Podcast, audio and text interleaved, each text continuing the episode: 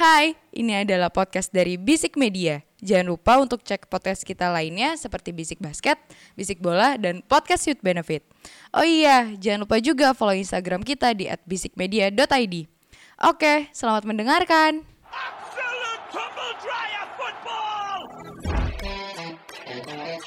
Utter humiliation.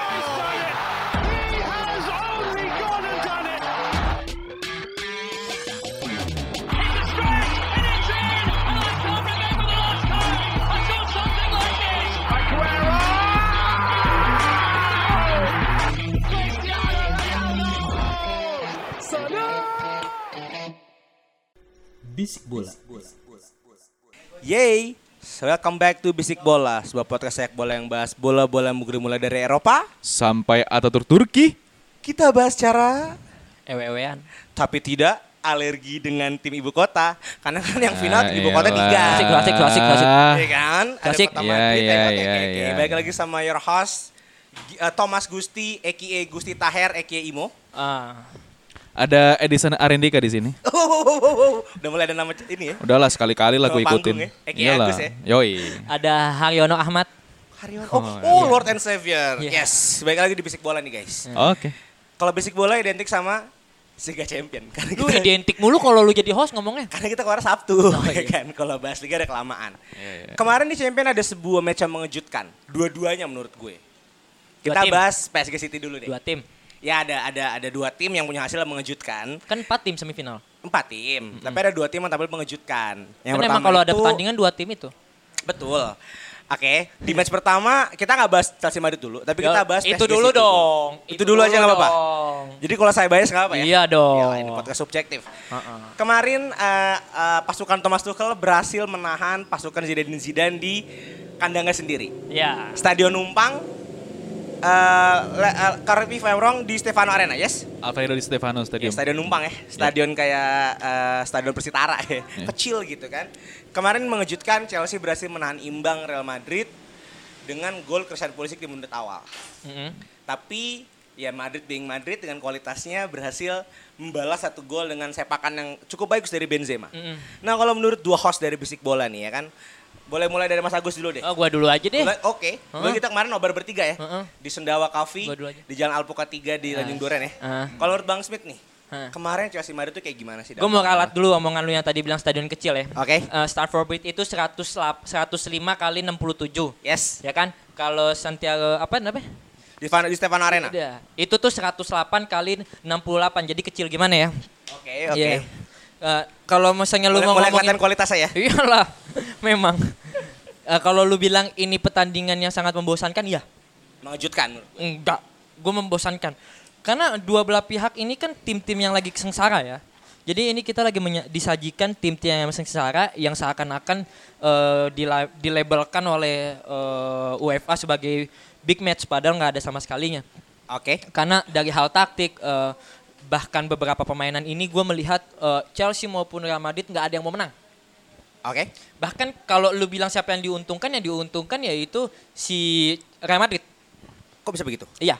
Karena akan main di Stamford Bridge Madrid tanpa beban. Tanpa beban. Tanpa beban. Gua tanpa beban. Ah. Dengan ada away goal dari Chelsea tanpa beban. Ini struktur permainan dia akan lebih bermain open play. Open play. Nah, tapi yang gue melihat, yang gue akan menggarisbawahi adalah Chelsea yang sangat berhati-hati karena dia akan bermindset 0-0 0-0. aja udah menang. Ya kan? Eh, mungkin gue akan melihat open play dari Chelsea di awal-awal pertama sampai terciptanya gol cepat. Kalau udah gol cepat, kita tahu eh, Chelsea kadang sedikit naif ketika dia lagi eh, eh, sk- memenangkan skor ya. Nah, ini makanya gue bilang eh, yang diuntungkan adalah Real Madrid. Mau gimana pun ceritanya dia mesti menang Oke. pasti mau nggak mau open play. Oke. Nah, gimana caranya Chelsea bisa memanfaatkan open play-nya Madrid itu dengan beberapa pemain muda? Bahkan eh, bahkan Pulisic eh, lagi on fire banget kan? Gue melihat ini cenderung di mana sisi gelandang sangat diamati eh, segitu eh, minimnya support antara kedua belah pihak yang gue lihat ya. Cross sangat mati dengan Kante, Abis itu Jorginho mati dengan eh, Casemiro. Ini memang punya kualitas dalam hal si- eh, sisi gelandang. Tapi itu dia ketika dia bermain hati-hati, kita bisa tahu banget ini bermain hati-hati banget Chelsea maupun Real Madrid. Maka bola tidak dialirkan dengan eh, tujuan yang pas. Nah, karena itu gue bilang kalau Chelsea eh, main di Stamford Bridge dengan dia open play, pemain terbuka, let's say defense-nya dia baik lah. Chelsea ini defense lagi baik-baiknya banget di Tuchel. Nah, Sampai Rudiger baru ya ya. maksud gue kalau Chelsea bermain bermain eh, bermain dengan open play, gue melihat Chelsea punya chance untuk menang. Tapi balik lagi mental lu UEFA mental champion ini kan pasti kan nggak seperti di liga ya. Oke. Nah itu yang gue bilang Real Madrid akan bermain dengan open play. Nah tergantung Chelsea nih gimana. Kalau dia bermain dengan hati-hati ya gampang lah untuk Real Madrid mm, memberikan permainan yang terbaik. Sedangkan Sergio Ramos, Val. Valverde plus satu lagi siapa mau? Aduh lupa gue. Kemarin itu yang Iya. banyak cedera Lucas Lucas Vazquez. Nah, Vasquez itu nggak bisa Uh, main uh, uh. eh, terus juga eh, sisi kanan nih eh Ferland Mendy nggak bisa main ya. itu juga nggak bisa Ya, main jadi- dan perkirakan akan main nanti Ya tiga tim itu, tiga orang itu. oke Eh, let's say about Smith bilang bahwa ada chance nih Bang Agus nih ya Gus ya di leg kedua Madrid akan main lebih gila dan Chelsea akan berhati-hati apa kalau setuju dengan statement ini apakah emang kemarin yang top perform sebenarnya Madrid yang lagi bala aja karena nggak ada Ramos menurut lu gimana Bang Kalau menurut gua sih sebenarnya untuk pertandingan kemarin ya membosankan sih ya. Cuman emang kalau kita lihat sebenarnya kemarin bentrok di tengah ya dengan apalagi gue baru lihat ternyata Madridnya mainnya lumayan lumayan kasar ya. Yes. Terbukti lima kartu kuning dalam satu pertandingan tanpa seorang Ramos ya tanpa Tanpa seorang seorang Ramos. Ramos. Ini ada ada lima kartu kuning dan kalau menurut gua emang dan kemarin pun juga sebenarnya Chelsea sangat mendominasi ya. Terbukti dari dia eh, dari shotnya itu dia 8 berbanding 4 dengan Real Madrid. Walaupun emang dari segi ball possession itu masih menang Madrid tipis tapi 5-1 banding 4-9 wah tipis banget ya tipis banget. Cuman ya balik lagi soal eh, di 10 sampai 15 menit pertama itu Chelsea mendominasi banget sampai ada beberapa peluang sampai akhirnya terjadi golnya Pulisic di menit 14. Tapi setelah itu ya balik lagi eh, diskusi kita kemarin pada saat nobar, emang Madrid ini agak agak menakutkan di 20 menit terakhir sih. Dan emang kemarin tuh hampir beberapa chance juga eh, ada ada beberapa kesempatan yang Madrid hampir bisa ngegolin eh, Chelsea gitu. sangat terbukti ketika masuk Eden Hazard permainan Madrid berubah kan Berubah ada walaupun gempuran dari sisi sisi kiri Ya walaupun juga Tuchel pergantiannya juga kalau menurut gue agak lumayan lumayan pintar sih Yes. dengan memasukkan Rhys James ya karena mungkin kalau dari segi speed Aspili udah terbukti tua yes ya agak susah juga untuk melakukan track back ke belakang dan memasukkan Rhys James agak lumayan ngeredam juga sih kalau menurut gue.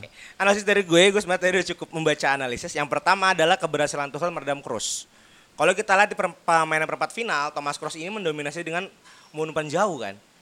Karena dia bisa main di setengah lapangan ke depan. Ya. Kemarin itu tugas seorang tiga, ini spesifik nih, tiga forward Chelsea itu menekan Thomas Kroos untuk nggak bisa masuk ke lapangan tengah.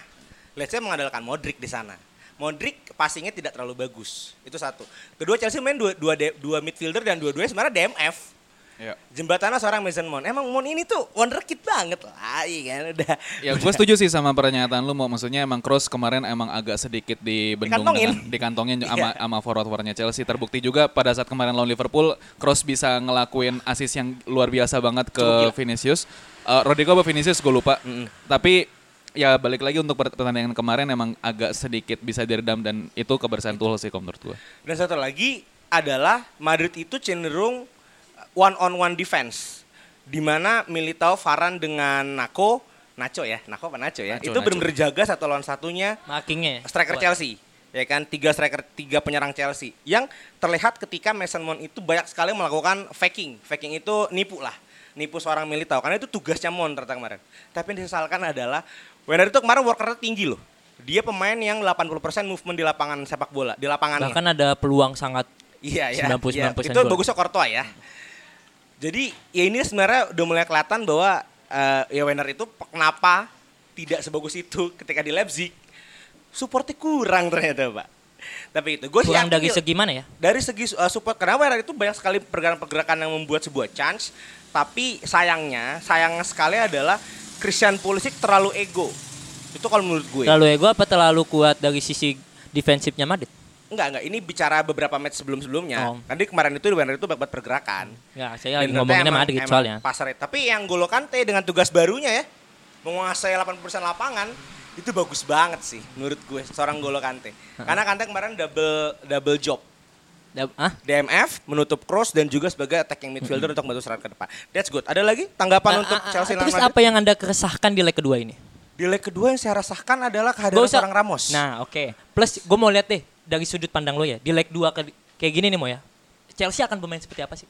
Yang pasti eh Barit udah membaca nih. Kemarin kan eh, Toni Kroos itu ditutup banget nih. Sepertinya akan ada ekstra eh, DMF, let's say Casemiro mungkin membuka jalur Kroos buat ke depan seperti tugas seorang Kante membuka Jorginho.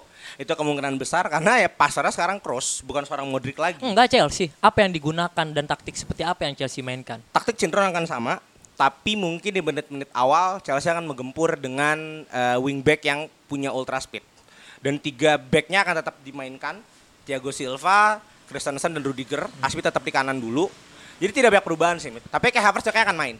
Jadi akan main open play. Let's say open play. Ya. Tapi sebenarnya uh, untuk uh, di leg kedua kalau menurut gua ada sedikit keuntungan untuk Chelsea karena sebenarnya back kiri dua back kiri Madrid ini dua-duanya dilaporkan bakal absen sih. Alhamdulillah. Marcelo sama Mendy Mendy masih belum sembuh. Marcelo itu ada kepentingan pemilu, di uh, Madrid. Oh, Jadi Madrid. uh, mungkin yang cocok mungkin ya nggak tahu ya apakah nanti Odriozola bakal dipindah ke kiri atau nanti Naho yang uh, Nacho yang bakal dipindahin ke kiri atau mungkin nggak tahu Vasquez apakah udah sembuh atau belum gitu. Kan Dan itu akan sendiri. jadi jadi lubang tersendiri sih untuk Madrid kalau menurut gua. Jadi yang ada harapan buat Chelsea mengulang kisahnya 9 tahun yang lalu. Ya kita eh, kalau gue sih gue gue memegang teguh kayak gini mah. Kalau Chelsea berani untuk nyerang, ya gue yakin Chelsea bisa menang. Tapi kalau Chelsea bermain sedikit hati-hati, ya akan terulang lagi adegan di leg pertama. Saya akan memberikan bridging yang jumawa. Berarti kita akan membahas match dari dua tim yang akan ketemu Chelsea di final, PSG dan City. Ya kan? Ini juga mengejutkan. Karena digadang-gadang kayaknya kadang butuh pede. Hmm? Butuh pede dulu emang. Ya harus pede dulu dong. 2012 saya tidak diunggulkan, tapi saya lolos dengan keajaiban Torres. Sekarang kita akan bicarakan tentang PSG melawan Manchester City. Mengejutkan seorang Mbappe 0 shot. 0 shot untuk seorang Mbappe. Ya kan, di mana pemain ini digadang-gadang di era 2020 akan memegang serta Haaland. Menurut lo, Bang Agus dulu deh. PSG City, Bang, kenapa bisa hasilnya seperti ini? PSG lo finalis tahun lalu dibikin kalah di kandangnya kenapa, Bang? Ya again yang udah pernah gua singgung di beberapa episode sebelumnya, ini pembelian Ruben Dias nih kalau menurut gua agak tidak apa ya, tidak terperhatikan oleh tim-tim lain gitu. Ternyata Ruben Dias sih sangat luar biasa banget mainnya gitu loh. Ya Berarti transfer terbaik dong. Menurut gue sih transfer terbaik. Di atas Federico Chiesa dong, transfer terbaiknya. Iya. Oke lanjut. Tapi Federico Chiesa menurut gue dribblingnya bagus. Baik, terbaik deh kalau menurut gue kalau untuk soal dribbling ya.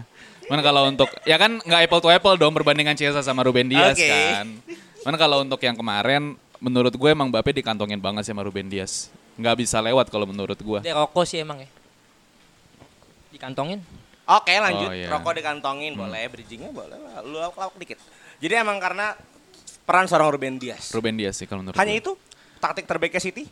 Dan apa ya untuk koordinasi empat back eh, City kemarin tuh kalau menurut gua juga sangat bagus banget dan again Gundogan dan eh, Kevin De Bruyne masih membuktikan bahwa mereka seorang gelandang terbaik sih kalau menurut gua.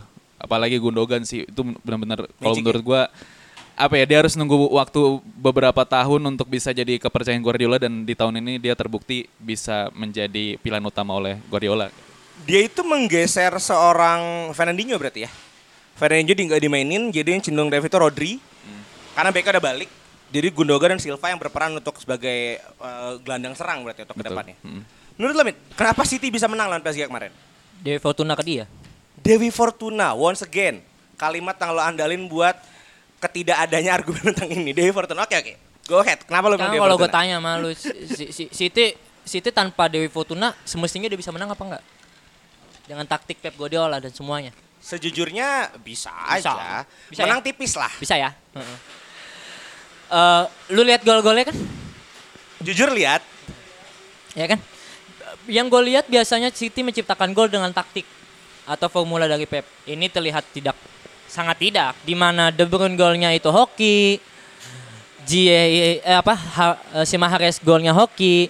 Ya bagi gue Mahrez sama-sama Islam jadi salah nyebut Iya, ente. karena kan gue Islam juga. Dan eh, oh, Aljazair. mohon maaf. Dan Aljazair Iya, dua-duanya. Maksud gue gini loh. eh, Maroko. ini ini ini lebih kayak eh, City diunggulkan dengan Dewi Fortuna karena tanpa ngelakuin apa pun dia bisa menciptakan gol gitu ya. Kalau dibilang Mbappe dikantongin Dias memang, tapi eh, ada beberapa eh, momen di mana Mbappe bisa mengkelabui Dias sampai akhirnya di umpan ke Verratti tapi sayangnya Verratti terlalu pendek kakinya sampai nggak nemu bola ya. Itu salah satu hal yang eh, itu salah satu peluang besar juga di City, eh, PSG tapi tidak bisa dimanfaatkan Verratti. Jadi bagi gua ini pertandingan yang momentumnya sangat bergairah banget sih. Bikin bikin lu eh, paham tentang sepak bola itu tanpa lu ngelakuin apa pun yang penting ada tangan Tuhan lu bisa menang gitu ya. Berarti harus ada Maradona di sana. Eh, iya, Tangan ada Tuhan. tangan Tuhan ya kan. Oke. Karena eh, golnya City pun gak jelas. Jadi kalau dibilang Chelsea apa City ini menciptakan gol karena tenaganya dia bagi gua enggak. Oke, satu hal yang gue sorot adalah City main tanpa striker. Heeh. Lini depannya hanya ada Kevin De Bruyne, Phil Foden, dan Riyad Mahrez. Mm-mm. Gabriel Tuhan dan Aguero dicadangkan. Mm-mm. Apakah taktik seperti ini akan efektif ke depannya? Gimana mau efektif? Dia ciptain gol aja dari sebuah kehokian kok. Maksud gue ini yang gue gua gua bilang. Pemain skuadnya City memang punya eh, nama eh, pas lah dengan PSG. Tapi balik lagi defensifnya PSG itu sangat-sangat baik sampai ngebendung segalanya taktik dari Pep Guardiola sampai akhirnya Tuhan sendiri yang ngebantu Pep Guardiola. Once again, iya. Tuhan lagi. mestinya ke gereja dia cepet-cepet. Eh, bagi gua eh, ini ini bukan tentang City yang biasa gue lihat. Ini City yang diunggulkan oleh beberapa dari Fortuna dan sampai akhirnya bisa lah cipta gol. Datangnya Gundogan adalah sebuah sinyal eh, terbaru eh, dari City karena kita tahu pola gela- eh, gelandangnya City lebih kreatif dengan adanya Gundogan bahkan juga sebagai finishing. Tapi yang gue lihat ini tentang defensifnya PSG yang terlalu baik eh, terlalu baik. Ke- Kecolongan satu dua gol itu eh, memang memang memang penuh kemelut ya. Bahkan golnya De Bruyne. Tapi gue lihat PSG mesti membenahkan sebuah kesalahan-kesalahan kecil seperti ini nih yang memang sebestul se- semestinya bisa dimanfaatkan untuk eh, di save oleh eh, Nafas sampai akhirnya eh, tidak bisa kan gitu ya. Ini kan panggung panggung besar bagi gue. Jadi kalau lu bilang City sama PSG ketika bertemu di Etihad Stadium nanti, gue lihat ya akan ketak-ketik lah City lah. Oke. Ya karena Tuhan gak akan datang untuk dua kalinya. Wow. Satu lagi yang gue mau sorot adalah performnya seorang John Stones di musim ini dan apalagi di match kemarin. Apakah di musim kemarin Johnson itu nggak punya tandem atau emang Johnson tiba-tiba kesurupan aja? Menurut Bang Agus gimana Bang? Kenapa Johnson bisa se-perform ini? Ya kalau Johnston mah gimana ya tipikal back back Inggris aja sih kalau menurut gue. Cuman ya Seperti Maguire kah? Akan-akan hancur ke depannya? eh kalau Maguire sekarang kalau menurut gue udah lebih mending ya. Oke, Ini bukan bias nih, cuman Kanan 61. menurut menurut gue menurut gue udah udah lumayan lebih mending kalau untuk sekarang. Gak Cuman- dicaci maki lagi. Enggak lah, udah udah lagi di track terbaiknya mat. Jadi ya udah dewasa. Dipuji-puji dikit aja dulu nggak apa-apa. Cuman kalau untuk eh, emang kayaknya kalau menurut gua susah sih kalau misalkan nanti ke depannya Ruben Dias bakal eh, absen entah itu cedera atau akumulasi ya. Cuman ya balik lagi karena kualitas dari back tengah City ini sebenarnya agak sedikit eh, jomplang sih antara Johnston, Laporte sama eh, Ruben Dias. si Ruben Dias gitu loh. Dan kemarin pun juga untuk di pertandingan kemarin agak sedikit terbantu walaupun di kondisinya sudah 2-1 ya. Kondisinya itu eh, kemarin Idris Gueye juga udah kena kartu merah juga gitu loh. Jadi PSG pun juga udah nggak bisa punya kesempatan buat melakukan eh, me- untuk menyamakan kedudukan gitu kalau menurut gua. Itu sih. Wow, oke. Karena tadi udah bahas tentang Maguire, kemarin ada tim yang dihina-hina sedunia akhirnya bisa menang 6-2 ya. Walaupun ini di kancah Liga Malam Jumat, tapi kita bahas lah. Oh, boleh nih dibahas nih. Hah? Boleh dibahas nih. Boleh, boleh. gua ikut ngetek jadi Ya, dibahas. soalnya enggak karena kan kita tahu nih dua tim bobrok kan ya. Jadi kita lagi bahas aja. Kita bahas yang bobrok-bobrok aja Gus. Oke, nggak Kita apa-apa. bicara match mengenai Ya, MU. berarti Juve nggak ikut ke bahas tapi kan kemarin lagi nggak ada pertandingan. Karena nggak bobrok. Oh, karena nggak main di Champion dan Eropa. Dan ini kita akan ngebahas Europa League, Bang Agus, karena kita mau ngebiasain Smith ngebahas Europa League. Oke, oke, Kan oke, tahun oke. depan main di Europa Oke. League. Bercanda Smith tapi Berarti serius. musim depan porsinya agak 50-50 antara Europa lebih sama. Europa League ya. Karena kan ada ancaman di bisik bola let's say banyak kan ada MU, Ah. Liverpool dan Juventus. Kan cuma Chelsea nih yang champion. Jadi kita harus biasain bahas Europa League. Enak aja, MU musim depan bisa Oh iya, champion lu, lupa. peringkat dua. Enak aja lu. Kita bicara MU melawan Roma. Ya, 6-1, 62 62. 6-2. Publik teringat di kejadian 2011 ya, ketika MU membantai Roma 7-1. 71. Apakah memang Roma ini kryptonite-nya adalah MU atau gimana? Menurut pandangan Smith dulu deh. Kenapa nih Smith bisa 6-2 AS Roma melawan MU sedangkan Roma set gue udah leading 2-1 di awal. Iya, kan. Kenapa bisa terjadi? Ya, ka- eh, Jangan Dewi Fortuna. eh, MU udah sek- eh, sekelasnya MU adalah bermain di champion. Jadi kalau dia datang ke turun eh, kalau dia datang ke kasta yang di bawah ya berhak lah untuk juara ya kan. Memang ini kan bobrok. Eh, babaknya MU kan yang ngebawa dia untuk bisa jadi juara ya. Gue nggak kaget. Eh, Ini Oke. ini tentang kalahnya skuad, taktik eh, dan beberapa pemain penting ya seperti Cavani, ada juga Bruno Fernandes. Ada Bahkan- Lavezzi. Heeh. Ba- Napoli dong. Beji goblok. Bahkan kan kita juga kita juga tahu nih. em, gol gol di babak satu itu adalah skor di 2-1 ya. 2-1. Satu, dua satu. 2-1 kan sampai akhirnya eh, Chelsea eh, MU bisa golin 5. Ya, ini bukan tentang Dewi Fortuna tapi memang kualitas aja yang memang berbicara kan. Mungkin bukan Nova tapi Dewa Bruno Iya ya. kan gini, MU kan kalau di kelasnya yang semestinya di kelasnya di champion, ya Oke. pasti kan ditai-taiin. Wow. Makanya dia mesti turun kasta untuk seenggaknya tahun ini ada ada piala yang bisa dihasilkan walaupun Oke. memalukan dirinya. Boleh, Dan boleh, selengkapnya kalau masalah ini yang gue lihat ini tentang gimana Bruno Fernandes bisa bermain into dengan klub eh, MU di babak dua. Di mana Pogba, Bruno dan beberapa pemain ini disinyalir udah terlalu dapat chemistry-nya itu di leg 2 nih. Eh di, di babak kedua nih Gus. Karena di babak pertama gue lihat ini hancur banget MU mau ke mana gue nggak paham. Ya. Ya kan? Sampai adanya dapat penalti. Ini ini fair lah. Untuk penalti dua belah pihak dapat kok. Hmm. Ya kan? Tapi segila dari itu yang gue lihat segi kematangan dari klub ini MU yang bisa ngejuara sih. Ya itu balik lagi Ya. karena karena mau nggak mau Chelsea MU mesti ke kasta kedua untuk Eh, meraih. iya, iya, iya, iya, eh, oke. Ya setidaknya MU masih main di Eropa, tidak lagi seperti Anda. Bang Agus, ada statement untuk MU melawan Roma. Ya, ini kayaknya oleh Gunnar Solskjaer udah mempelajari bahasa Inggris padu padan baik yang benar ya. Jadi pada saat di halftime talknya ini, kalau menurut gua dia udah mulai bisa ngebangkitin semangatnya pemain MU Uh, di babak pertama ketinggalan 2-1, tiba-tiba di babak kedua nambah 5 gol lagi, yang menurut gua golnya keren semua kecuali penalti lah. Dan ya Kok kecuali penalti itu kan kesempatan nyetak gol loh. Oh iyalah. Teman Anda. Bruno Fernandes tuh 20 gol dari eh 20 20 gol dari 21 penalti loh dia. Gila tuh. Dia doang yang bisa. Iya. Ya, balik lagi kalau untuk pertandingan kemarin emang menurut gue man of the match-nya sih ya ada Edison Cavani dan Bruno Fernandes sih kalau dan dengan eh, dua assist dan dua golnya ini dua-duanya nih pakem yang menurut gua sulit ditergantikan sih bahkan kemarin juga kayaknya Rashford juga nggak terlalu kelihatan banget sih mereka berdua sih yang lebih lebih menonjol lah di pertandingan ini kalau menurut gua dan Roma again ya mereka banyak pemain muda, pemain muda tapi menurut gua kualitasnya nanggung semua gitu loh. Bahkan kaptennya aja Pellegrini nyet. Maksudnya Yes. nggak ada lagi sosok pengganti Totti gitu. Ya walaupun harus menunggu waktu yang lama ya untuk menjadi seorang Totti. Cuman untuk sisi leadership di lapangan tuh kalau menurut gua Pellegrini agak kurang sih kalau menurut gua. Tapi menurut gue juga karena ada agen MU di Roma ya. Ada Chris Smalling kan lini belakang. Sama Hendrik Mkhitaryan kan. Wah, ada dua agen MU bahkan di sana kan. Nah masalahnya kan cuma satu Gus. Kalau tahun besok Cavani udah nggak ada gimana? Oh udah dikonfirmasikan insya Allah 80% akan bertahan Dia Islam di MU Dia satu Islam ya? tahun. Ya. Oh dia Islam. Edison, Edison. Emang Edison nama Islam kalau setahu gue. si Islam ya. Oke, berarti memang MU kayaknya udah ngambil tiket sih buat ke final Eropa. kan nanti. gue bilang dia mesti turun kasta dulu mau. turun kasta Untuk dulu. terlihat bagus. Ya Anda juga siap-siap. Oke, kita wrap tentang uh, Ya, C- itu akan jadi pembuktian Juve juga musim depan. Dia harus juara Europa League dulu. Ya, nggak? udahlah nggak usah ngomongin champion udah pasti dapet lah. dengan Ah. jalur peringkat 5 ya. Oke. Setelah kita sudah kita wrap tentang tentang Eropa Eropaan. Ya, ya, ya. Ini masih menandakan UEFA masih di atas ESL ya. Follow up dari episode kemarin. Kita lanjut membicarakan tentang Gue nggak ikutan. sorry, ada tahu. seorang pelatih yang ditunjuk menggantikan Hansi Flick. Itu Julian Nagelsmann. Hmm. Join to Bayern Munchen. Ini emang udah digadang-gadang lama sih. Nagelsmann ini kan seingat gue itu naiknya di eh, Hoffenheim. Iya, Hoffenheim. Hoffenheim. Oh siapa bilang? Di mana dong? Oh, ya, Hoffenheim. Iya dong, Gue bangsa. ragu. Lalu ke Red Bull Leipzig dan akhirnya tunjuk oleh eh, boardnya Munchen untuk menggantikan Hansi Flick. Ah. Menurut kakak-kakak pandit spesial terbaik di dunia berdua ini, Aduh, aduh, aduh. aduh. apakah seorang Julian Nagelsmann bisa melanjutkan dominasi Munchen atau bisa menjadi kesempatan tim lain menyalip Munchen?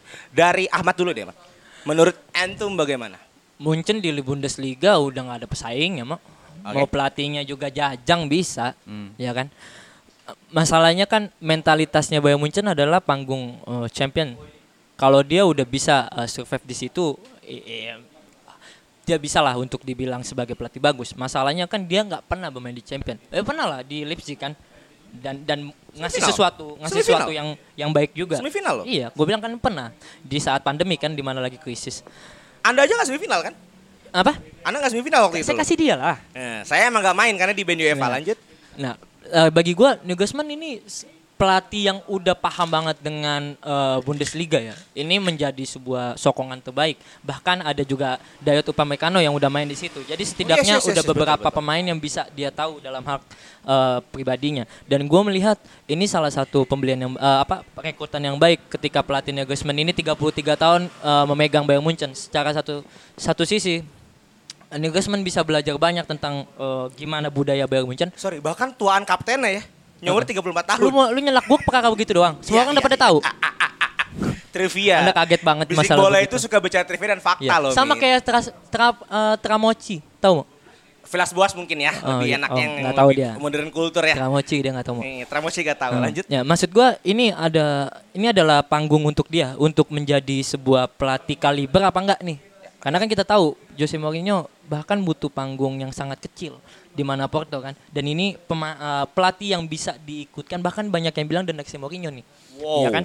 Nah, gue melihat eh, ini eh, duet yang terbaik untuk saat ini Bayern Munchen memang mengambil dia. Tapi untuk ngelihat sejarah sebelumnya, Flix gimana bisa ngeraih champion agak sulit sedikit lah ya. Ya, ya, Bahkan butuh waktu. Tapi setidaknya ini momentum yang baik sih. Bayern Munchen gak ke mana-mana, tetap juara. Tetap juara. Berarti Nagelsmann akan menjalukan kejayaan Bayern Munchen di Liga Jerman nanti. Siapa bilang? Lu. Oh iya. Menurut Kakak Agus nih, apakah Nagelsmann bisa melanjutkan dominasi Bayern Munchen atau malah jadi kesempatan tim lain buat menyalip, Bang? Eh, kalau untuk dominasi Bundesliga, kalau gua rasa eh, dengan pelatih siapa pun, bahkan kemarin juga Niko Kovac atau Ancelotti pun juga sebenarnya masih bisa untuk eh, berbicara banyak di Bundesliga. Cuman balik lagi untuk tim sekali berbayar Munchen itu adalah targetnya pasti juara Liga Champions gitu. Dan kalau menurut gue sih sebenarnya dengan eh, CV eh, Nagelsmann yang bisa ngebawa RB Leipzig bahkan bisa sampai semifinal Liga Champions, kalau menurut gue masih ada kans untuk di situ gitu loh. Pada intinya sih sebenarnya ini eh, apa ya kombinasi terbaik sih antara tim Bayern Munchen eh, dengan eh, se- segala macam jajaran staffnya beserta pemain dengan Nagelsmann ini nantinya bakal bisa klop sih untuk ke depannya bisa untuk meraih at least Oh, jadi abis Nagelsmann klub yang masuk. ya duh, ketebak lagi. Emang lu mesti ngelucu Gus. Tebak lu tuh, lagi. ya Allah serius banget Gus. Enggak lah, gue kan bagian yang serius-seriusnya aja. Betul, Gua betul, bingung betul. kalau mau ngelucu di bola tuh bingung gue. Bawa image, coba image. Lanjut. ya itu antara antara eh, kombinasi jajaran staff Bayern Munchen, pemain eh, dari pemainnya itu sendiri dan eh, Nagelsmann eh, ke depannya itu kalau menurut gue bakal jadi eh, apa ya kombinasi yang klop lah itu kalau menurut gue untuk Jadi nantinya. lagi-lagi Nagelsmann akan memberikan taktik seperti Klopp. ya enggak juga sih. Kombinasi Kalau- yang Klopp. Kalau menurut gue nantinya mungkin ada sedikit perbedaan sih dari gaya bermainnya uh, Munchen pada era Flix dan uh, Nagelsmann. Kalau Nagelsmann kan memang lebih mengedepankan apa ya uh, sirkulasi bola cepat Yes. dan sebisa mungkin bisa langsung uh, ke depan Ventilasi gitu. memang dia. Sirkulasi tadi. Ya, ya, sirkulasi, ventilasi. Lanjut. ya udah kayak gitu aja sih. Nah, kalau sedangkan Bayern Munchen sudah diter, eh, sudah dikonfirm back tengah dan atau back kiri ya. David Alaba akan join ke Real Madrid di musim 2021 dengan total kotak 230 ribu per pekan. Apakah ini akan mempengaruhi taktiknya dari seorang Nagelsmann yang kehilangan palang pintunya nih, Ya, David Alaba? Eh, Alibaba kan memang udah kaya ya. David Alaba, Oh, mohon bukan, maaf. Oh iya, Alaba datang ke Madrid yaitu menjadi sebuah tambel eh, apa ya pelengkapnya dari perginya Sergio Ramos ya. Jadi sangat menguntungkan. Di satu sisi 12 juta euro per tahun itu adalah eh, kualitasnya Alaba. Di satu sisi memang Real Madrid butuh mental yang seperti Alaba karena kita tahu ini ventile. Let's focus about Bayern Munchen yang tinggalin Alaba. Apakah apa anjing? Kan bahasa Italia. Oh, bahasa Italia. Ya, sorry, ya. sorry, sorry. Eh, apakah Munchen akan rusak nih? Terganggu nggak sih kehilangan seorang Alaba ini? Mun- Munchen dengan datangnya Dayot sebuah angin segar lah. Sepercaya itu loh, Oh. Dayot bisa menggantikan seorang Alaba. Daripada gue percaya malu. Ya, jangan musrik. Nah, iya makanya gue percaya nama Dayot. Karena bagi gue Dayot memang punya kualitas. Plus juga di situ kan ada tandemnya Sule. Ya, kan begitu. sama-sama. Ah ya, Susis. Lanjut. Udah bercanda mulu anjing. Maksud gue memang Sule dan Dayot ini memang yang akan the next menjadi timnasnya eh, Jerman kan. Ah, iya, Jadi yes, dengan datangnya pemain-pemain muda Bayern Munchen ini paham tentang di mana dia mesti eh, mempermanjakan pemainnya karena Hummels dibuang, eh, Boateng juga akan dibuang. Ini kan memang salah satu strateginya dia untuk Oh. menghemat finansial plus juga sebagai permanjaan dari squad Oke. kan. Ya ini memang udah terbaik lah. Bagi gua memang terbaiknya di saat dia datengin Dayot. Oke. Mengagus gimana bang? Keperikan Alaba apakah akan mengganggu performa Munchen atau gimana? Kalau menurut gue sih dengan kepergian Alaba ke Madrid dan datangnya Dayot uh, Upamecano ke Munchen dari Leipzig, kalau menurut gue sih untuk barisan belakang kalau menurut gue sih fine-fine aja ya. Maksudnya di back kiri masih ada Davis, kadang bisa Lucas Hernandez bisa masuk di situ.